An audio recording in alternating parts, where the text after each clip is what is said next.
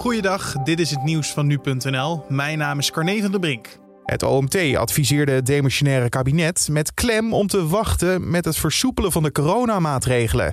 In een advies leggen de experts uit dat het beter is om te wachten tot de coronapiek gepasseerd is. Hoe eerder de versoepelingen worden doorgevoerd, des te trager de besmettingen zullen dalen en dat de hoge druk op de ziekenhuizen zal aanhouden. Het kabinet besloot anders.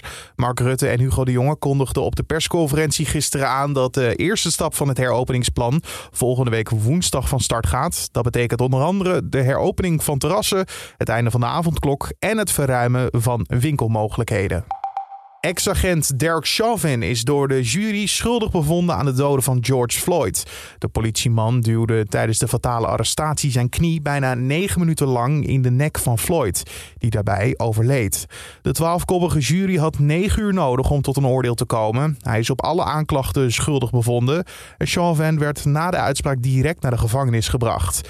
Buiten de rechtbank werd de uitspraak luidkeels gevierd. Derek been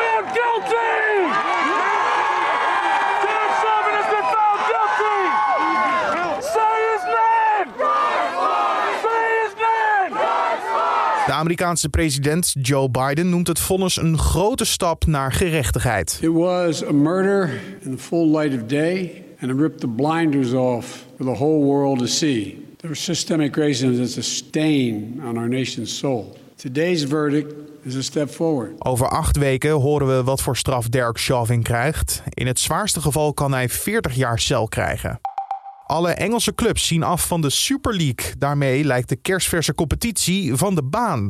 En dat terwijl het elite-toernooi pas amper twee dagen geleden geïntroduceerd werd door 12 clubs. Het plan voor een besloten lucratieve topcompetitie leidde tot hevige weerstand uit de voetbalwereld. Bonden, clubs, supporters en ook spelers vonden het onbegrijpelijk dat de teams voor zichzelf iets wilden beginnen. Honderden fans waren gisteren in Londen samengekomen om zich uit volle borst uit te spreken tegen de plannen.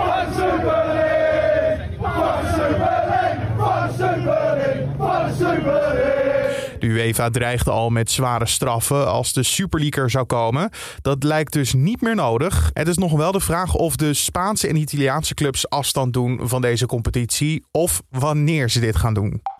Burgemeester Paul Depla van Breda en de rest van het bestuur hadden niet verwacht dat er zoveel ophef zou ontstaan rond het Oranje Testfeest.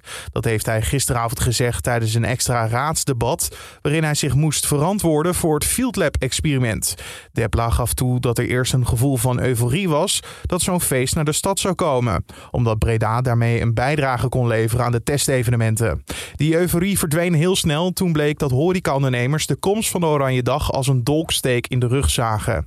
Ook was de breed gedragen petitie tegen het feest een eye-opener voor de burgemeester. En tot zover de nieuwsupdate van nu.nl.